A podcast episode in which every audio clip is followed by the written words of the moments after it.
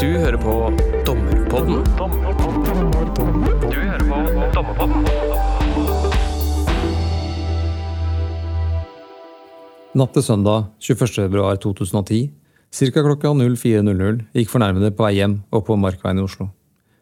Da hun kom til Paulus plass ved Markveien 9, hørte hun to raske skritt i grusen, hvoretter en person uten annet forvarsel hoppet på henne og holdt henne fast med hans høyre hånd mot hennes skulder og hals. Først trodde fornærmede at vedkommende var ute etter å ta vesken hennes, men han fortsatte bare å holde fornærmede fast uten å ta vesken hennes. Fornærmede ble da ytterligere skremt og prøvde å dytte personen fra seg med makt. Fornærmede oppdaget da at hun var blitt skåret i hånden, samtidig som hun hadde prøvd å gjøre motstand. Da hun prøvde å løpe vekk, kjente hun at hun blødde kraftig fra halsen. Samtidig som hun prøvde å komme seg løs, prøvde fornærmede å gi ham vesken i et forsøk på å få ham vekk. Fornærmede ropte deretter høyt og gjentok flere ganger 'hjelp, hjelp' og 'ring 113'. Gjerningspersonen forsvant da fra stedet med håndvesken. Samtidig merket fornærmede at føttene sviktet, og at hun falt ned på fortauet. Fornærmede forsøkte da å legge seg i stabilt sideleie og samtidig holde seg for halsen for å begrense blødningen fra halsregionen. Etter forholdsvis kort tid kom noen forbipasserende samt folk fra leilighetene i nærheten, og disse personene fikk ringt etter ambulanse. Ambulansen kom raskt til stedet, og hun ble kjørt til Ullevål sykehus. På sykehuset ble det igangsatt behandling av fornærmede som hadde hatt et større blodtap. Undersøkelsene viste at fornærmede hadde blitt påført til sammen 13 knivstikk, hvorav 12 måtte sys. Samtlige av skadene hadde sammenheng med knivstikkingen. Flesteparten av knivstikkene kom ved halsen, nakken, skulderen og over armen. Det var også knivstikk på ryggen og på en finger på hennes høyre hånd. Ingen av kuttene traff pulsårer med videre, og hun ble derfor ikke påført livstruende blødninger. Ett av knivstikkene på brystet medførte imidlertid en mindre punktering av lungen, men hadde ikke slikt omfang at operasjon eller lignende var nødvendig.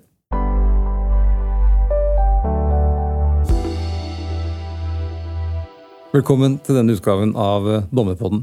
Mitt navn er Ragnar Lindefjell. Jeg er dommer i Oslo tingrett. Og Dagens tema er hvordan oppleves møtet med domstolen for en som er fornærmet i en alvorlig straffesak. Og det er en litt spesiell utgave, eh, fordi den som opplevde det som vi akkurat har fått lest opp, sitter her eh, ved bordet sammen med meg. Hun heter Anne Louise Wennersberg. Velkommen til deg. Takk. Du eh, Dette skjedde for snart uh, ti år siden, Anne Louise. Hvordan, er det, hvordan er det for deg å høre, høre dette igjen nå?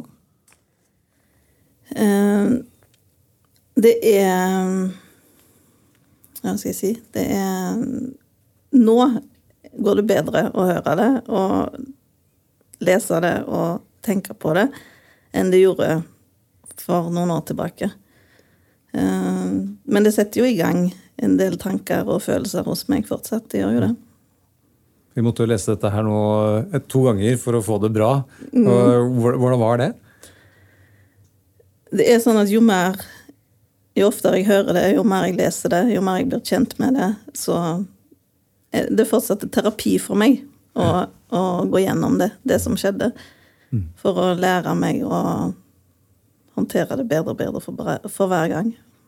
Her får vi det jo litt sånn i, i det tørre uh, rettsspråket. Hvordan Kjenner du deg igjen? eh, Er dette sånn, er dette sånn du husker det? Ja, det er jo det. Eh, Jeg merker at nå og tidligere når jeg har eh, lest det som er blitt skrevet, så blir jeg veldig opptatt av at detaljene skal stemme. At det skal, det skal stå sånn som det var. Eh, Og det er Det gjør noe med meg, men jeg blir veldig opptatt av at ting skal være riktig. Det, det blir jeg opptatt av. Uh, ja. Jeg, jeg føler at dette, når, du- når du leser dette her, er det, er det riktig, eller er det Ja, Ja, i all hovedsak. jeg, jeg syns det. Ja. Mm. Hvor- Hvordan Dette her er jo en sånn beskrivende Noen setninger som beskriver hva som skjedde. Hvordan, hvordan opplevde du det? Hvordan føles det å være i den situasjonen? Tror jeg sikkert mange lurer på. Det er heldigvis noe vi fleste av oss slipper å oppleve. Det var, det var jo fryktelig. Eh, Det var Jeg gikk jo hjem fra byen. Eh, Jeg har vært ute sammen med ei venninne og hennes kjæreste, mann. Eh, Og han som du leste, kom jo hoppende på meg uten forvarsel.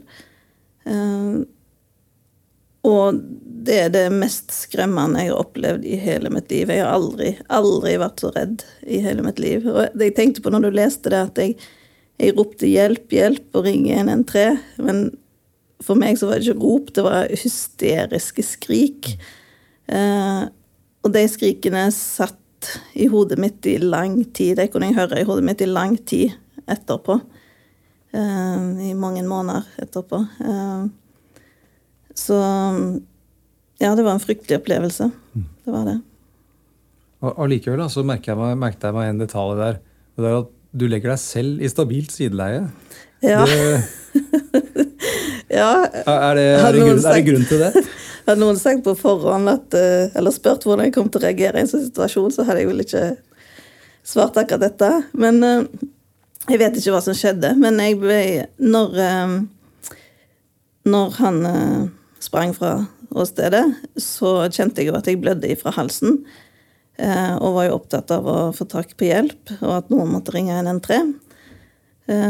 Så når jeg fikk ropt det, så merka jeg jo at den ene foten min svikta, og at jeg eh, blødde veldig fra halsen.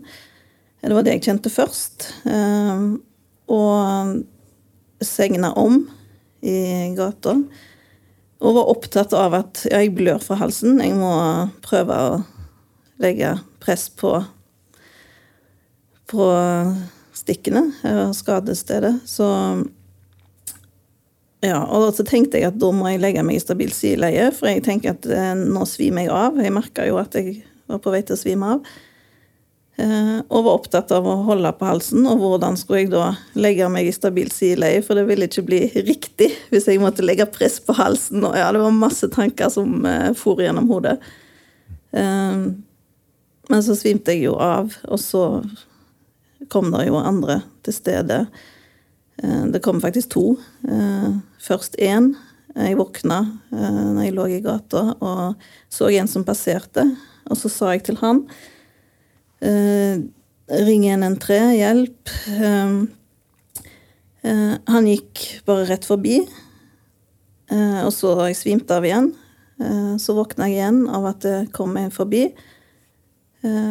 Og jeg sa det samme til henne, og da kom hun bort til meg, eh, og henne sa jeg at du må hjelpe meg å legge press på halsen. Eh, og hun fikk ringt 113, og hun hjalp meg å presse på de skadene jeg hadde på halsen. Men da visste jeg jo ikke at jeg hadde mange andre stikkskader på kroppen. Eh, så husker jeg av og på Eh, hva som skjedde videre. Jeg var inne og ute av bevissthet. Eh, men så kom jo heldigvis ambulansen da forholdsvis raskt. Og jeg ble lagt i ambulansen. Jeg var veldig opptatt av å puste inn og ut, og jeg pusta veldig høyt. Og ambulansefolka spurte meg om jeg hadde problemer med å puste. Fordi de hørte at jeg pusta så voldsomt. Og det hadde jeg jeg opplevde ikke at jeg hadde vanskelig for å puste, men for meg, og det sa jeg til ambulansefolket nå, at for meg så var det så lenge jeg hørte pusten min, så visste jeg at jeg levde. Så derfor var jeg veldig opptatt av å puste godt inn og godt ut, og såpass høyt at jeg hørte det, for da visste jeg at eh, jeg lever fortsatt. Så det er mye sånne strategier og tanker som kom eh, i den eh, situasjonen. Og jeg husker at når jeg lå i ambulansen, så da svimte jeg jo av henne rett etter dette. Og da husker jeg at Jeg husker egentlig bare lyden av ei saks som eh, klippet opp klærne mine. Og så husker jeg ikke mer før vi kom til sykehuset.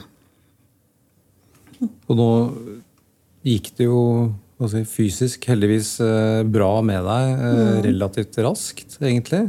Noe av grunnen har jeg forstått er at du, det var kaldt ute, og du hadde på deg en tjukk ullkåpe som, mm. som, stoppet noen av, stikkene før ja. de da potensielt kunne, mm. kunne, hatt et annet utfall. Um, kan du huske liksom, din, din første, ditt første møte med politi, avhør, den type ting etterpå? Hvordan, uh, tok, ja. Når var det, og hvordan gikk det? Eh, det første møtet med politiet var på sykehuset. Da kom det to stykker og avhørte meg når jeg lå Da lå jeg vel på intensiven. Um, og de var jo da interessert i gjerningsperson, eh, om jeg kunne beskrive han. Dessverre så kunne jeg jo ikke det. Jeg huska jo ingenting av hvordan han så ut, eh, hvilke klær han hadde på seg. Det var, det var ganske blankt.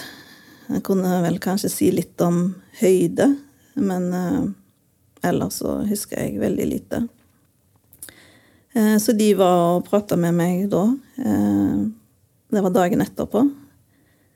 Og så kom de igjen på kvelden og ville, ville at jeg skulle da få lese gjennom hva de hadde spurt meg om, om det stemte, og ja Om de hadde fått med seg riktig informasjon. Og da sa de at de anså dette som et drapsforsøk. Og det å høre ordet drapsforsøk, det var virkelig et slag i magen. For det var et så ord som Det er så voldsomt, og det er så Ja, det, det virkelig gjorde inntrykk for meg. Og etter det var dratt, så lå jeg og tenkte på hva dette her ordet, bare begrepet, hva det gjorde med meg.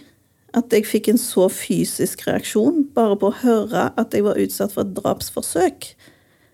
Jeg husker jeg lå i sykesenga, jeg hadde enerom, og sa ordet drapsforsøk høyt for meg sjøl mange ganger for å venne meg til å høre ordet uten at jeg skulle kjenne at angsten kom, og vondt i magen og kvalm og den fysiske reaksjonen som jeg fikk, da. Eh, så jeg lå og sa det ordet høyt for meg sjøl i sykesenga den kvelden der for å venne meg til det. For det er sånne småting som sikkert ikke de fra politiet tenkte på. Men med meg så var det ja, det var virkelig vanskelig å høre. Det begrepet, det ordet. For, for du, du, jobber i helsevesenet. Ja. Du jobber på Ullevål sykehus, gjør du ikke det? Jo. Nettopp. Og der, hva jobber du som? bare sånn vi, Jeg er sosionom. Nettopp. Hadde du, hadde du noe erfaring med politi og rettsvesen og sånt fra, fra tidligere? Nei, jeg hadde ikke det. Den lille erfaringen jeg har, fra USA, når jeg hadde min praksis på sosionomstudiet. Når jeg jobba med ungdomsgjenger der. Da var jeg borte i rettsvesenet og politiet. Men for sånn privat eller gjennom jobben her i Norge, så hadde jeg ikke noe sånn Ikke den type erfaring, i hvert fall. Nei. Um, og så, Du, du kommer relativt raskt uh, på fot igjen. Hvor, uh, hvor lang tid tar det før du er tilbake litt sånn i normal gjenge? Sånn tenker jeg fysisk, da, først og fremst. Altså, i starten så var jeg jo helt uh, Hva skal jeg si Ute av stand til å ta vare på meg sjøl. Mm. Jeg bodde hos ei venninne, hun som jeg var sammen med den kvelden det skjedde, om samboeren hennes. De første fem-seks dagene. Jeg hadde jo vanskelig for å gå. Jeg hadde jo mye smerter. Fryktelig hodepine òg på grunn av blodtapet. Vanskelig for å bevege meg eh, mer enn fra sofa til seng. Eh, vanskelig for å løfte armer. Eh, jeg var jo sydd store deler av venstresida. Um, og det var vanskelig å konsentrere seg. Jeg eh, klarte å ha problemer med å følge med i samtaler. Når noen fortalte meg noe, så falt jeg fort ut. Det føltes som om hodet var Det var helt, det var helt fullt. Jeg klarte ikke å ta imot noe informasjon. Glemte utrolig fort. Ble veldig fort sliten. Jeg fikk jo både besøk av min mor og noen venner når jeg dro hjem til min egen leilighet, som var hos meg. Jeg trengte hjelp til det meste. Men så var det jo dette her at jeg visste at jeg må, må jo ut. Jeg må jo gjøre en jobb her. Eh, og begynte jo å gå ut og satte meg mål for hver dag. At hvis jeg klarte å gå 100 meter i dag, så skal jeg klare å gå 130 i morgen, så skal jeg gå 200 den tredje dagen, osv., osv. Eh, og det å gå ut blant folk var jo Det var utrolig skummelt. Eh, det å få noen bak meg, høre at det kom noen bak meg. Jeg fikk fryktelig hjertebank, angst. Eh, vanskelig å gå på trikken. Jeg kunne stå og vente på trikken og la den passere hvis jeg så det var mye folk på trikken, for det fiksa jeg ikke. Og så mye folk rundt meg. Hvis noen passerte meg og kom borti meg, så trodde jeg at hjertet skulle stoppe. Eh, da var jeg sikker på at det føltes som kroppen reagerte som om noen hoppet på meg igjen. Um, men så er det jo dette her å øve og trene hver dag. Sette seg nye mål for hver dag. Eh, for jeg var jo først bestemt på at dette skal ikke ødelegge meg. Eh, jeg skal klare å komme meg gjennom dette så sakte, men sikkert så blir det jo fysiske bedre. Eh, og så er det jo det psykiske som sitter lengst igjen. Det er jo det som tar mest tid. Og Dette, dette, står jo litt om i, i, dommen også, faktisk. Eh, det står der at uh, dette var en psykisk stor belastning. Det kan man kanskje kalle en liten underdrivelse. Men, men så står det også at du heller ikke har fått noen varige psykiske men. Og så trekkes det fram noen forhold, f.eks. Eh, for eh, nettverk. F.eks. dette at du setter deg mål. Eh, F.eks. også bistand fra psykolog. Så mm, Det virker jo som at her har du gjort veldig mange riktige ting for å, for å komme videre. Og hva vil du si var det viktigste for deg i, i den, den, tidlige fasen? Først så var jeg jo avhengig av at det var andre som var der og kunne hjelpe meg. Um, det var jeg helt avhengig av. Jeg hadde ikke klart meg alene. Um, så det var først og fremst det å ha venner og familie som kunne hjelpe meg gjennom dagene. Og bare det å huske ting. Uh, jeg gikk jo på en del smertestillende og medisiner uh, som jeg skulle ta til uh, visse tidspunkt. Jeg, det glemte jeg jo ut. jeg måtte få folk til å minne meg på det. jeg husker jeg skulle til legen og hadde skrevet skrevet huskelista for hva jeg skulle spørre om, og hva jeg skulle si. Så når jeg kom til legen, så skjønte jeg at jeg hadde glemt huskelista. altså, jeg hadde ingen konsentrasjon. Jeg hadde utrolig dårlig hukommelse. Det, det, var som om Det var ikke plass til noe ekstra i hodet. Det men så etter hvert så var jeg jo helt avhengig av at jeg sjøl skulle gjøre jobben. Eh, folk kunne jo ikke bo hos meg for evig. Eh, og da ja, jeg måtte bestemme meg for at dette her skal jeg fikse. Uh, dette må jeg gjøre. Du, så etter litt tid så, så seiler det opp en, en rettssak. Um, kan du fortelle hvordan, eh, hvordan, hvordan, hvordan, begynner det for deg? Hvordan er det? Hvordan er den prosessen? Nei, jeg fikk jo en uh, bistandsadvokat uh, når, uh, etter at dette skjedde, som var helt fantastisk. virkelig mye til hjelp og støtte. Og i dette her systemet, som jeg ikke kjenner til, eh, så kommer det jo opp mye begrep om det fengslingsmøter og det avhør og det tiltalte og det sikta, og hva, hva betyr det? Eh, hvor ofte er det avhør? Hvem er med der? Altså, jeg hadde jo masse spørsmål eh, som han kunne svare på. og det var utrolig trygt og godt for meg å få svar på en del spørsmål jeg hadde i et sånt ukjent, ukjent verden, egentlig. Eh, og ikke minst at ja, Jeg spurte han sikkert veldig mange ganger om det samme. For igjen, hukommelsen var ikke helt på topp. Eh, men det å ha han som var han var interessert i hva som var skjedd med meg. Eh, og han hørte på meg, og vårt første møte varte i flere timer. Eh, jeg følte meg sett. Eh, at det var noen som var interessert i min side av saken. i eh, dette store systemet. Eh, og det var veldig viktig for meg. Eh, og at noen fra systemet som sa at jo, men vet du hva, dette har jeg tro på, dette klarer du. Jeg har tro på deg. Og det var veldig viktig for meg. At det var noen utenfra i, systemet som sier at vet du hva, dette har jeg erfaring med fra før av. Jeg har sett andre. Men dette her vet jeg at du kan klare. Jeg, jeg har tro på at dette skal gå bra. Det var, det var viktig for meg. Han var en utro, han var klippen min eh, på mange måter gjennom hele denne fasen. Mm. Var, det, var, det, var det, stor forskjell på hvordan han møtte deg, og hvordan politiet møtte deg, f.eks.? Politiet var helt fantastiske. Det syns jeg virkelig. De eh, kom hjem til meg, eh, spurte hvordan det gikk. Hadde tid til å sette seg ned og ta en kaffe. Eh, når, når dette her skjedde, så ble jo, som du nevnte, veska mi frastjålet, og inkludert telefon. Og det ble jo Telefonen ble jo funnet, for min mor fikk jo en telefonsamtale at noen hadde funnet en telefon som politiet da tok tak i og sa at dette skal, skal vi finne ut av.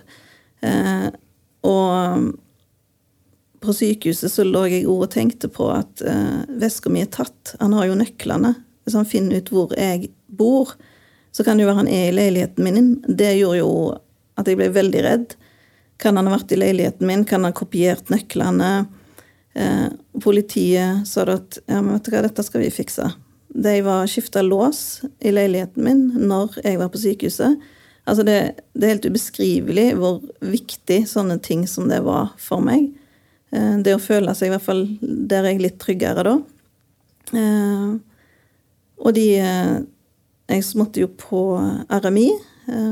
De kom og henta meg. De var sammen med meg der. De kjørte meg hjem igjen når jeg skulle på noe avhør på politistasjonen, så kom de og henta meg.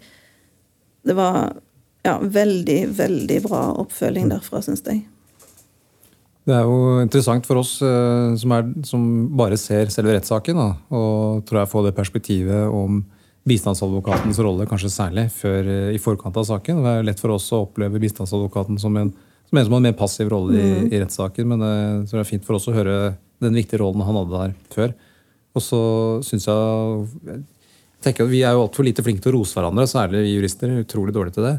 Så denne fantastiske bistandsadvokaten, hvem er det?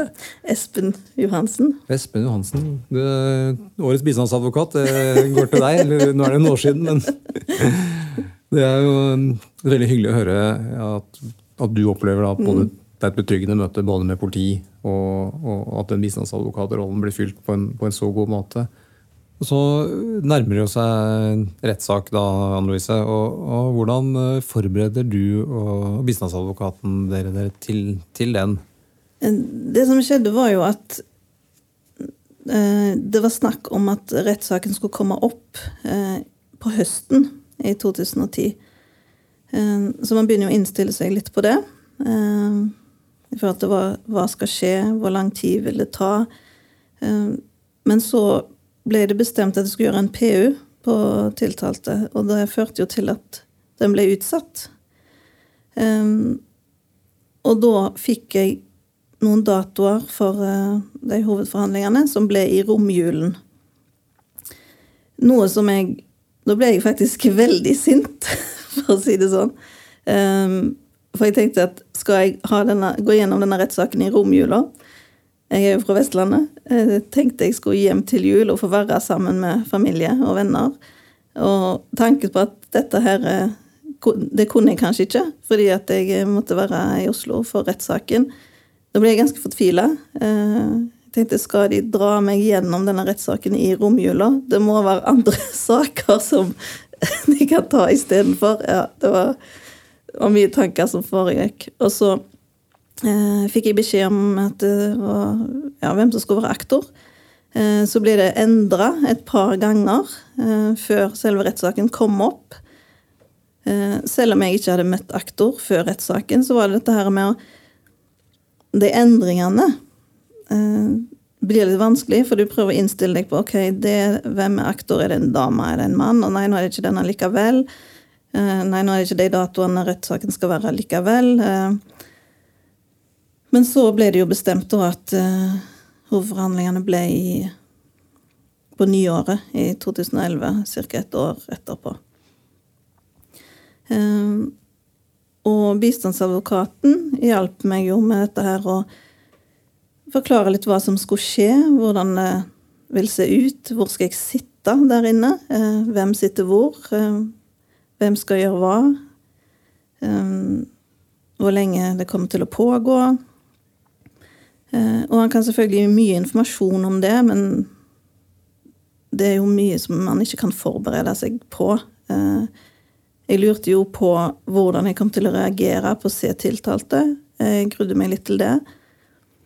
Men så sa både politi og bistandsadvokat at ja, de hadde erfaring med at ofte så var det kanskje ikke så ille som man kanskje hadde trodd på forhånd.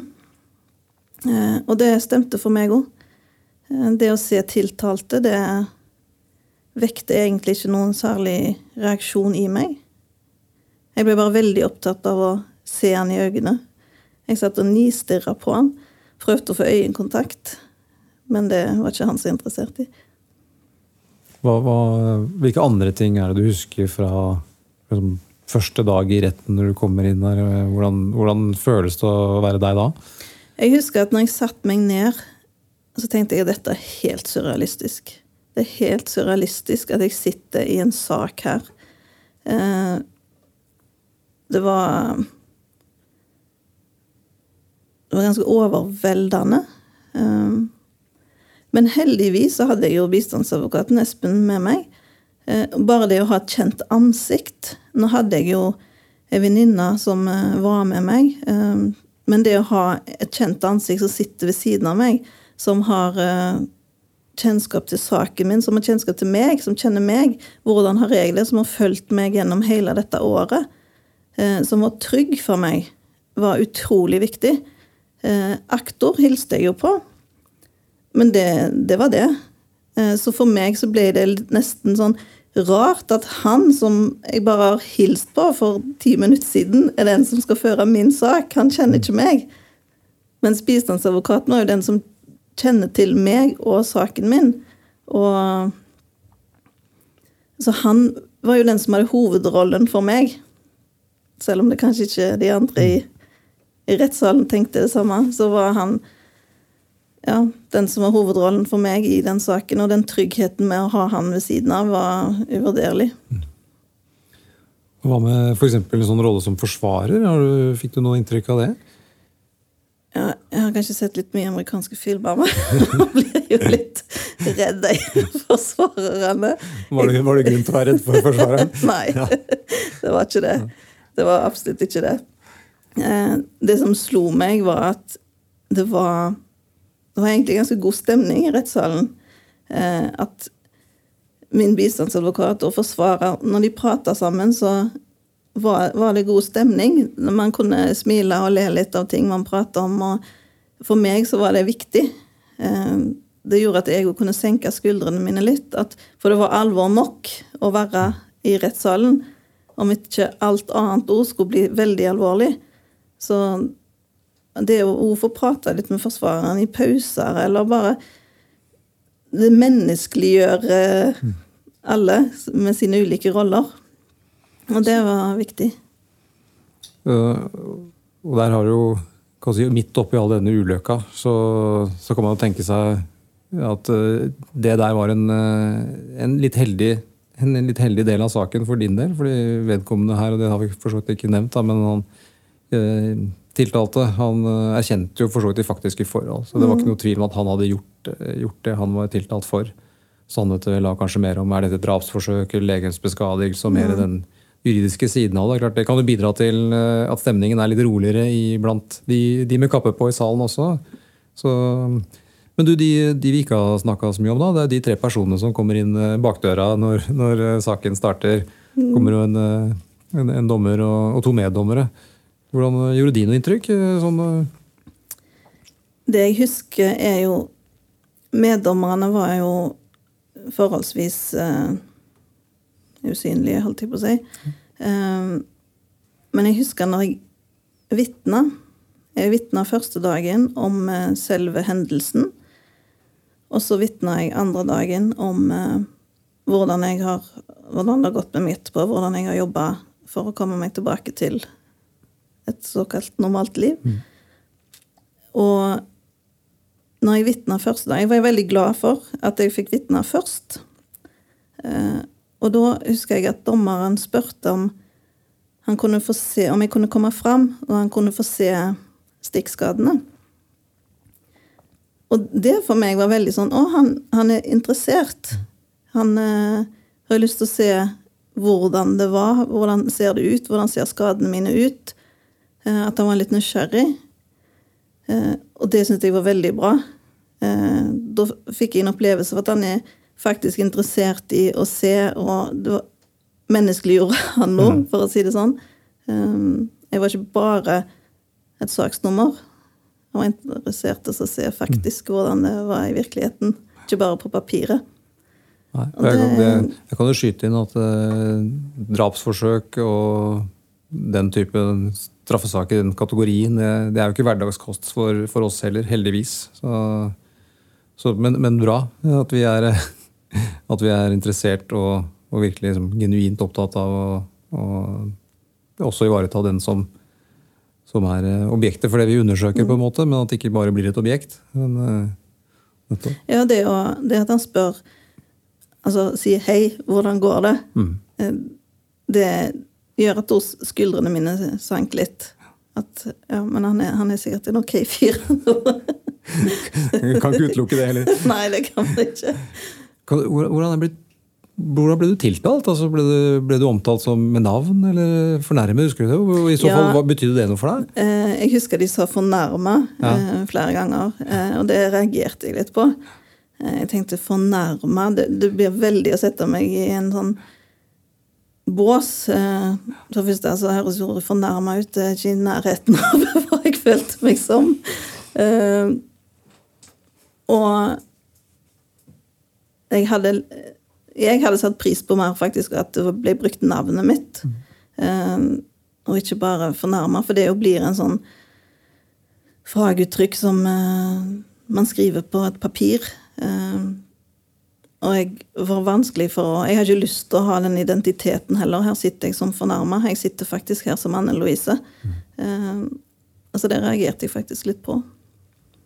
Ja, det, det tror jeg er en diskusjon som vi stadig har med oss selv og, og med kolleger. Hvordan, og der tror jeg også at ting er litt i endring. Hvordan, hvordan forholder vi oss til, hvordan snakker vi til eh, både tiltalte og fornærmede og vitner og, og parter i sivile saker. Dette er en større, større del hvor vi må på en måte ha en balanse mellom det der å være, være menneskelige og, og både se folk som personer, samtidig som vi må ha en nødvendig for oss alle å ha en viss sånn profesjonell distanse til det vi holder på med. så det jeg personlig er tilhenger av Anne Louise, da, for å si det på den måten. Så får alle finne sin form. Um, og, og, førte- var det mye nærgående spørsmål fra, fra dommer, forsvarer og den type ting? Hvordan opplevde du det? Nei, altså For dommer var det veldig lite. Eh, Det var ett spørsmål fra meddommer. Um, Forsvarer hadde jeg grudd meg litt til. Eh, Tenkte skal han grille meg, og skal han være ute etter å så tvil med det som faktisk har skjedd? For jeg eh, visste jo at jeg sitter med, jeg sitter med fasiten her, jeg vet hva som skjedde. Um, skal du ikke tro på meg? Sant? Jeg hadde noen sånne spørsmål. Tenk hvis han tviler på det jeg sier. Eh, Jeg har liksom ikke kapasitet til å stå der og forsvare det som har skjedd. Jeg har nok med å faktisk fortelle det som har skjedd. Det, det var ikke lett, bare det. Eh, Samtidig så opplevde jeg jo at Nei, han eh, Han var ikke så skummel som jeg kanskje hadde frykta. Og, og dette med å høre tiltalte, da, hvordan var det for deg? Tenker du på Ja, Tiltaltes egen forklaring, altså høre på han forklare seg? Altså, jeg hadde jo håpt at jeg skulle få en faktisk forklaring på hvorfor han gjorde det han gjorde, og eh, om det var noe han kunne fortelle som jeg ikke huska. Eh, jeg ble dessverre ikke så mye klokere. Eh, han hadde ikke så veldig Han kunne ikke tette de hullene jeg hadde i, i, i hukommelsen. Så det å både se han og det å høre hans forklaring, det Det var ikke noe som opprørte meg. Eh, det var mer at jeg hadde ønsket at jeg skulle få ja, fylle hullene som jeg ikke hadde sjøl, eh, i forhold til hva, hva skjedde, og hvorfor gjorde han dette. Um, men jeg fikk ikke noe svar på det, så jeg må på en måte slå meg til ro med at ok, jeg har ikke noe forklaring på det. Han har ikke noe forklaring på det. Og så må jeg bare fokusere på det jeg skulle gjøre. Så du, du Etter at han hadde forklart seg, så satt du egentlig igjen med like mange spørsmål knyttet til hva som, hvor, hvorfor han gjorde dette. Han, han, var, han var ganske rusa, var han ikke det? Jo. Ja, jeg fikk ikke de svarene jeg hadde håpet på, da. Hvorfor meg? Sånn? Hvorfor, hvorfor, gjorde han det i det hele tatt? Hvordan har han hatt det i ettertid? Angrer han på dette? Ja, og sånne spørsmål som jeg hadde, som jeg følte ikke jeg fikk noe svar på. Ble han spurt om det? Husker du? Ja. Eh, han ble spurt om hvorfor han ikke hadde eh, faktisk tatt kontakt med meg eh, gjennom advokaten. Eh, for å si f.eks. at han eh, beklagde, og, eller hva det nå var han hadde behov for å si. Eh, og hans svar på det var egentlig at han hadde ikke hatt tid. Nei, nettopp. Ja, og da Ja. Så kan man jo velge hvordan man vil ta det. Det, det kan man jo. Ja. Er det noe spesielt ved rettssaken som du husker på at det var, var, var, bra for deg? Som du opplevde som, som trygt eller som, som hjelpsomt i måtte, den situasjonen du var i? Uh, jeg, altså Som jeg har sagt tidligere, så Bistandsadvokaten var jo utrolig hjelpsom. Uh, det gjorde at det ble trygt. Um, det at jeg fikk såpass mye tid til å forklare meg, uh, både om når det skjedde, og hvordan jeg har jobba etterpå, uh, det gjorde òg at jeg følte at de var interessert i å høre min versjon av dette. Uh, og så syns jeg det at det var godt for meg, som vi nevnte tidligere, at advokaten og forsvarer, eller aktorforsvarer, bistandsadvokat, virka som hadde en ok tone. Det, det var veldig fint. Um, så var det jo noen deler i saken som var mye vanskeligere enn å stå vitne sjøl. Um, som kanskje kunne ønsket jeg var litt mer forberedt på. Hva tenker du på Men, da? Det å stå vitne om saken, om hendelsen, den hadde jeg på en måte ganske Jeg har kontroll på det. Jeg vet hva, hva som kommer, jeg vet hva jeg skal si. Jeg hadde jo snakket om dette mange, mange ganger til alle som ville høre. For jeg tenkte at det er bra terapi for meg. Og så måtte jeg hele tida justere meg i forhold til hvis jeg kom inn på ting som jeg kjente at nå begynner kroppen å reagere, dette er en trigger, så måtte jeg eh, fortelle om en annen del av hendelsen for å roe meg ned igjen. Og det er ikke sikkert at andre merkte det, men eh, jeg hadde i hvert fall mine strategier. Eh, så det å snakke om det, vitne om det, var Jeg følte jeg hadde kontrollen på det. Jeg vet hva jeg skal si. Eh, dette fikser jeg. Men den delen når eh, det på storskjerm blir vist kåpa mi, som er ja, full i blod, eh, knivstikkene på kåpa, kniven det blir lest opp alle skadene på kroppen min når det er halvannen side med skader. Da, det syntes jeg var utrolig tøft.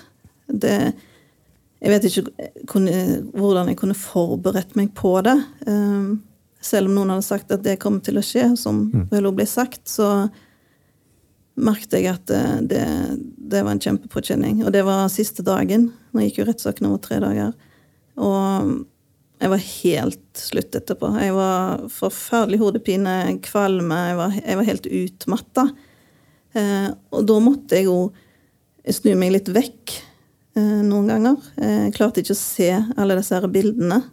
Um, så det var faktisk verre enn å vitne. Det, I hvert fall for meg. Så det, det, ble, det ble så veldig eh, Hva skal jeg si? Eh, det ble så ekte. Det var så rett tilbake til eh, når jeg tenker og husker at jeg lå der i blodpølen.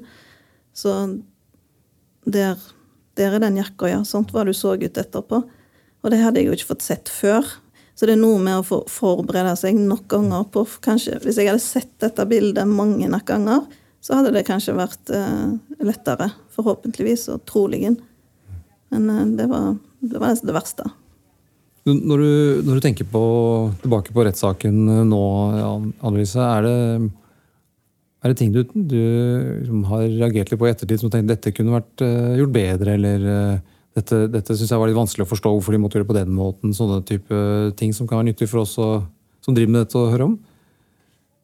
Det jeg reagerte på da, og har tenkt på i ettertid, er jo at aktor som måtte føre min sak, hvor lite kontakt jeg hadde med han. Eh, jeg hilste jo på han når jeg kom inn i, i rettssalen, men det var stort sett den kontakten jeg hadde med han eh, i løpet av de neste dagene. Eh, og det, det, hadde jeg vel ønska at eh, jeg ble sett mer som Anne Louise der, og ikke bare den fornærma på papiret. Eh, det hadde jeg syntes hadde vært fint. Fordi det hadde gjort det noe tryggere. For det er en påkjenning å sitte der som fornærma. Så det hadde jeg syntes hadde vært fint. Og i forhold til eh, det som jo ligger eh, oss nærme her i Dommerpodden, hvordan er det med Du har jo gitt gode skussmål til, eh, til dommerpanelet for så vidt så langt. Er det, er det, noe du tenker at dommerne kunne gjort annerledes, eller vært, bidratt til å gjøre dette til en enda bedre, bedre prosess, sånn som, som, du ser det som fornærmet? Nei, det er jo, det, det, det er jo de småtingene. Eh, jeg tenker at det skal veldig lite til av og til mm. for å eh, At som fornærma, da, å få en bedre opplevelse. Eh, jeg sier fornærma, men det som vi snakket om i sted, at det å bli brukt navnet mitt, eh, det gjør at det blir mer menneskeliggjort. Eh, og på en måte litt mer at man tar det litt mer på alvor. At det var faktisk Anne Louise dette skjedde med. Det var ikke bare noen fornærma. Um, dette her er å Ja, bare hei, hvordan går det med deg? Går det bra? Du kan ta deg en pause. Altså, det, det å bli sett, det, det, gjør noe med tryggheten. Uh, som jeg òg tenker vil gi bedre uh, forklaringer. Um, frykt gjør i hvert fall ikke gode forklaringer. Så det er noe med å, at fornærma eller den det gjelder. får for å senke skuldrene, for på best mulig måte å gi sin forklaring, da, tenker jeg er viktig. At alt henger litt sammen der. Så man føler seg veldig sårbar i situasjonen når man står og vitner. Og eh, vi snakket litt om dette her med forsvarer. Man var redd for eh, at han skulle grille meg. Eh, men så fikk jeg jo et spørsmål fra en meddommer. Eh, og det, Eller det var kanskje ikke spørsmål til meg, eh, men eh, var, Jeg hadde jo stikkskadene mine på venstre side, hovedsakelig. Og hadde jo fortalt at han holdt meg med sin høyre arm bak meg over framsida, over brystet. Og så sa, spurte meddommer om Stilte litt spørsmål til om det faktisk kunne være han, for han var jo høyrehendt. Og da måtte han jo ha holdt kniven i venstre hånd. Um, og jeg tenkte at skal du begynne å så tvile med dette? Det er så mange andre tungtveiende bevis her. Skal man, går man der? Skal, må jeg forsvare det? Eh, må jeg forklare det enda mer enn jeg har gjort. Eh, det er veldig sånne småting som gjør at det setter i gang mye hos meg, både følelsesmessig og tankemessig, eh, i den situasjonen. Nå var heldigvis så heldigvis dommeren at ja, det var andre tungtveiende bevis, og at man ikke skulle legge, så mye, legge så mye tyngde på det. Og det gjorde jo at ok, ja, han, han, han har skjønt det, holdt jeg på å si, tenkte jeg. at ja, Og det var jo godt. Eh, men det er veldig, veldig små ting som skal til for Man føler seg utsatt. Ja, og Her peker du jo på et, tror jeg, et ganske stort dilemma ofte for oss som, som sitter her oppe og har, har, ansvar for at dette her skal bli riktig til slutt. ikke sant? Og I din sak så var det jo hendelsesforløpet ganske, ganske greit. Og kanskje var det et helt unødvendig spørsmål. Mm. Så har vi jo andre saker hvor hendelsesforløpet ofte er i stor grad omstridt. ikke sant? Og da blir man alltid nødt til å stille den type spørsmål som mm. helt sikkert for fornærmede kan oppleves som å trekke ved ikke sant, introverdighet i tvil, og så tvil om alle mulige ting rundt hendelsesforløpet. og vil jo også ofte være en forsvarerrolle. Um, kan også ofte bare handle om at vi vil utelukke alternativer. Mm. og Derfor stiller man den type spørsmål. Men, eh, men, det er en interessant refleksjon å høre det, hvordan det oppleves sånn som fra ditt ståsted. Da. Nå, vedkommende blir jo dømt eh, for drapsforsøk. Og får eh, fem år i fengsel for drapsforsøk pluss noen andre småforhold. Hvordan, hvordan var det for deg å etterpå lese dommen og forholde deg til den straffen han fikk? Var det, var det noe som var viktig for deg? Det å lese dommen etterpå, det For det første, så når rettssaken var ferdig, så orka jeg ikke å lese dommen. Eh, da, da, trengte jeg en pause. Da måtte jeg få det på avstand. Da måtte jeg ha fokus på Ok, nå, nå begynner jeg litt sånn på scratch. Nå kan jeg bare ha fokus på meg og mitt videre, hvordan jeg skal jobbe videre. Um, altså det tok ganske lang tid før jeg kunne ta frem dommen og lese den. Um, og det å, å, lese dommen um, var egentlig ganske greit. Eh, jeg får en opplevelse av at rettssystemet forstått alvoret når jeg leste dommen. Eh, noe som uh, gjør at jeg får en uh, opplevelse av at ja, jeg ble hørt. Uh, at de skjønte at, ja, hvor alvorlig dette var. Um, så egentlig så får jeg bare en bekreftelse når jeg leser dommen, at jo, dette her har de skjønt var alvor. Uh, og så er jo dette her med straffen er jo en annen diskusjon. Men uh, det gjør ikke noe med meg å lese dommen nå. Det er ikke noe, sånn som, det er ikke noe vanskelig for meg. Og, og selve sånn, lengden på straffen, har, det, har du tenkt noe på? Var det, Syns du det var kort, lenge, som forventa? Hadde du, hadde noen, hadde noen sånn tanker om det i forkant, eller når dette skjedde? Det var jo ikke overraskende. altså Det var vel lagt ned påstand om fem og et halvt. Mm. Ja. Eh, så det var ikke noe overraskende. Eh, men jeg tenkte jo selvfølgelig at det er jo helt utrolig at man får kun fem år for dette. Eh, at man kan gjøre noe sånt mot et annet menneske. Eh, helt tilfeldig person på gata. Eh, man hadde sikkert fått mer hvis man hadde blitt tatt i korrupsjon. altså, det Ja, det kan føles veldig urettferdig. Jeg husker jeg tenkte på det den dagen Jeg fikk jo beskjed den dagen han ble sluppet ut. Og jeg husker jeg tenkte ja, nå er du en fri mann. Jeg fortsatt jobbe med de tingene jeg må jobbe med etter du har påført meg dette. Eh, jeg er ikke ferdig. Jeg er ikke sona fri i hermetegn. Eh, jeg eh, syns at det var sånn, Det føles urimelig. Samtidig så er det jo noe jeg bare må forholde meg til. Sånt er systemet. Um, så Men det føles Det føles eh, ganske vanvittig at man får så liten straff for å påføre andre mennesker eh, så mye vold. Hvordan tror du det hadde vært uh, altså, Tror du det hadde vært annerledes for deg hvis straffen hadde blitt en annen? Hvis den hadde for blitt mye lengre fengselsstraff eller en hadde, hadde det gjort det uh, lettere altså, for deg tror du, å forholde deg til det som har skjedd? Uh, jeg har jo hele veien hatt veldig lite fokus på han. Jeg har hatt fokus på meg sjøl, hva er det jeg må gjøre.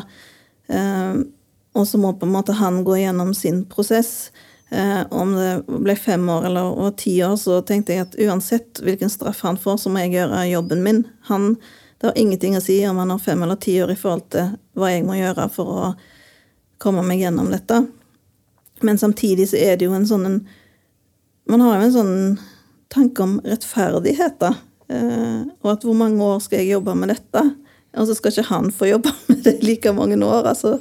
Eh, og hva gjør han? For han eh, Jeg husker jeg sa til han på slutten, på den tredje dagen i rettssaken så Det var veldig fint. Da spurte jo dommeren om jeg hadde lyst til å, å si noe.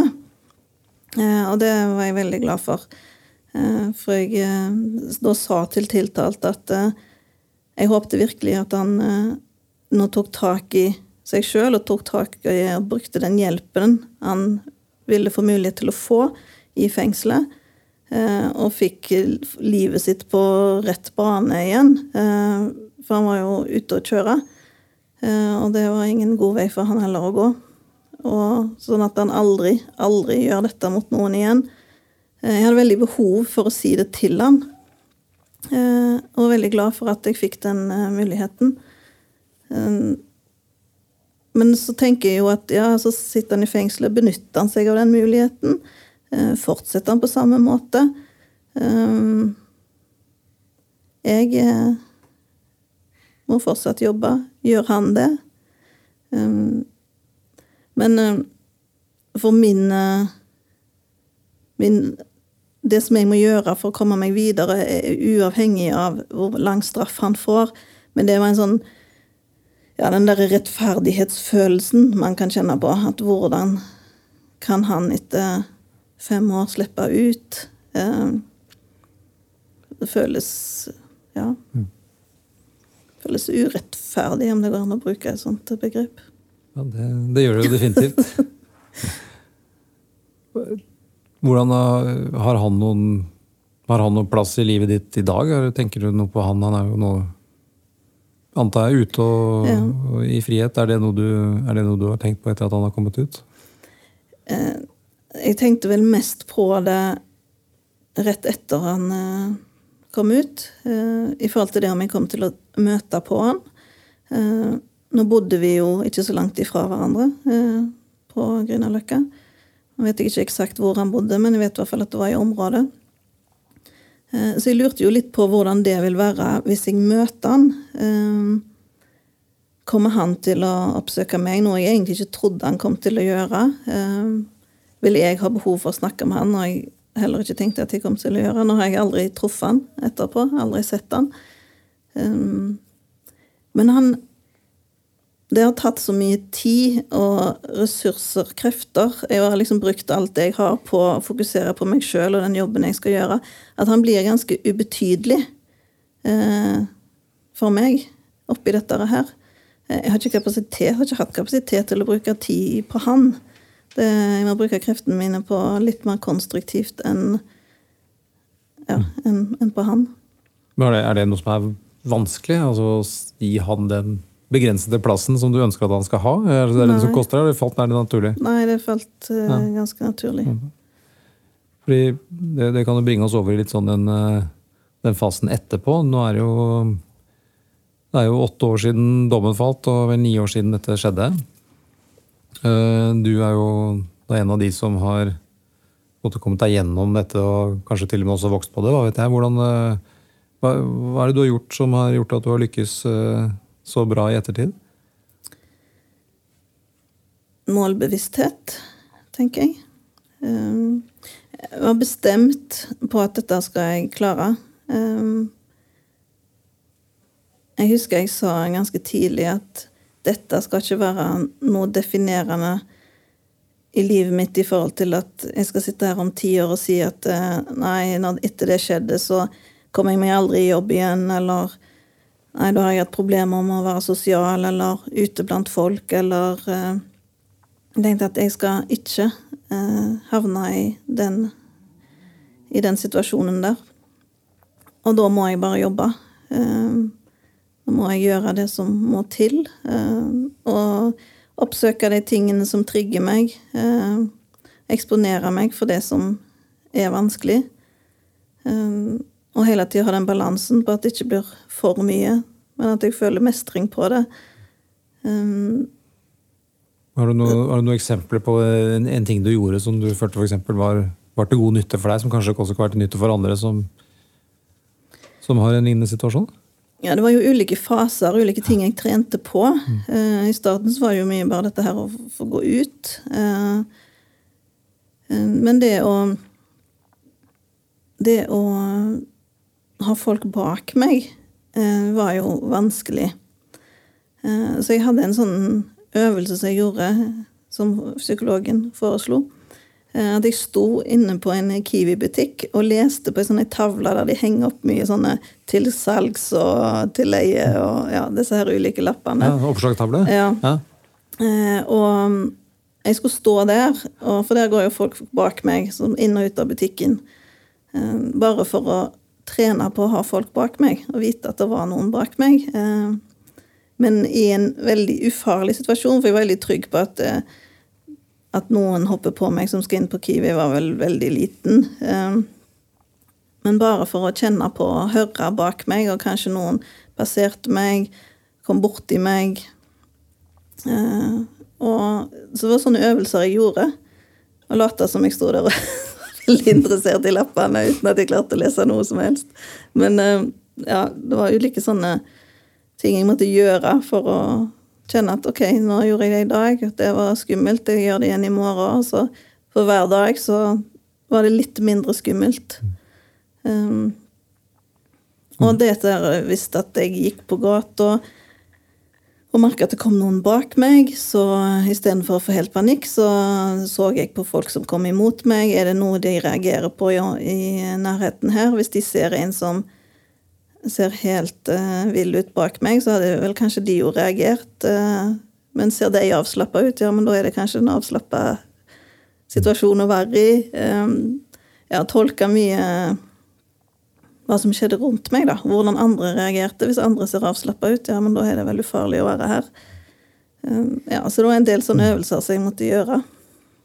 En ting som jeg også merka meg fra, fra, dommen, er at du var jo tilbake eh, Riktignok i 20 stilling, da, men det var ikke mange ukene etterpå. Det var bare en måneds tid etterpå. Og så, og så en stund etter det igjen så var du tilbake nesten i, i full jobb ganske raskt. Eh, hvordan var det viktig for deg, tror du? Ja, jeg husker at uh, legen uh, sa til meg at jeg begynte jo 20 uh, og så etter seks uker så begynte jeg 100% Og når jeg var hos legen før det, så sa legen at ja, etter seks uker så skal du tilbake i 100% Og da tenkte jeg, og jeg sa til henne at er du ikke riktig klok? Jeg klarer jo knapt å gå, og dette er tre uker til. og Eh, samtidig så var det utrolig viktig å ha den kontakten med arbeidsplassen. Eh, og det at jeg fikk komme tilbake på jobb. Men jeg gjorde jo ikke mine vanlige arbeidsoppgaver. Eh, for eksempel så Jeg styrte det jo veldig selv. Jeg var kanskje ikke i pasientsamtaler. Det hadde jeg jo ikke kapasitet til. Men bare det å få være der eh, og treffe kollegaer og føle at man begynner å ta del i, i det daglige livet igjen, var jo utrolig viktig. Og fikk veldig god oppfølging fra jobben min, eh, som eh, var, veld, var, veldig godt. Du, før vi, før vi avslutter eh, du har jo nevnt en, en masse nyttige ting som du har gjort for å Hvis du skulle, framheve én ting, klarer du det? En, den mest nyttige tingen, den beste tingen du har gjort for deg selv i, i tiden etterpå, hva, hva, vil det være? Det er jo ikke gi seg. Ja. Egentlig. Ja. Mm. Og det å være her i Dommerpodden og, og, snakke om dette her en, enda en gang, hvordan har det vært? Veldig bra. Jeg eh, tenker som eh, jeg har sagt flere ganger, at det å snakke om dette her er fortsatt terapi for meg. Det er veldig viktig for meg. Og jeg tenker òg at eh, jeg har noe viktig å si til dere som sitter på andre sida. Eh, jeg tror eh, Jeg håper at det kan være nyttig for dere.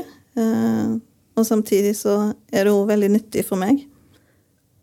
Det er jeg helt uh, trygg på at dette her er uh, veldig nyttig for, uh, for oss dommere å, å få det førstehåndsperspektivet og få den refleksjonen rundt hvordan det er å, å være i dine sko. For det er noe som jeg tror vi kanskje ikke alltid er, er oss nok bevisste rundt. Så Annelise Wennersberg, jeg vil da egentlig bare si tusen takk til deg for at du er så velvillig og, og så modig at du kommer hit og forteller om dette enda en gang til oss. Så um, tusen takk til deg. Takk skal du ha. Du har hørt på Dommepodden. Dommepodden er en podkast fra Norges domstoler og er først og fremst ment som et kompetansetiltak for dommere. Hvis du har ris, ros, forslag til temaer eller folk vi kan prate med, så er vi glad for å høre fra deg, og da kan vi nås på podkast at domstol.no. Ha en god dømmende hverdag så lenge. Vi høres.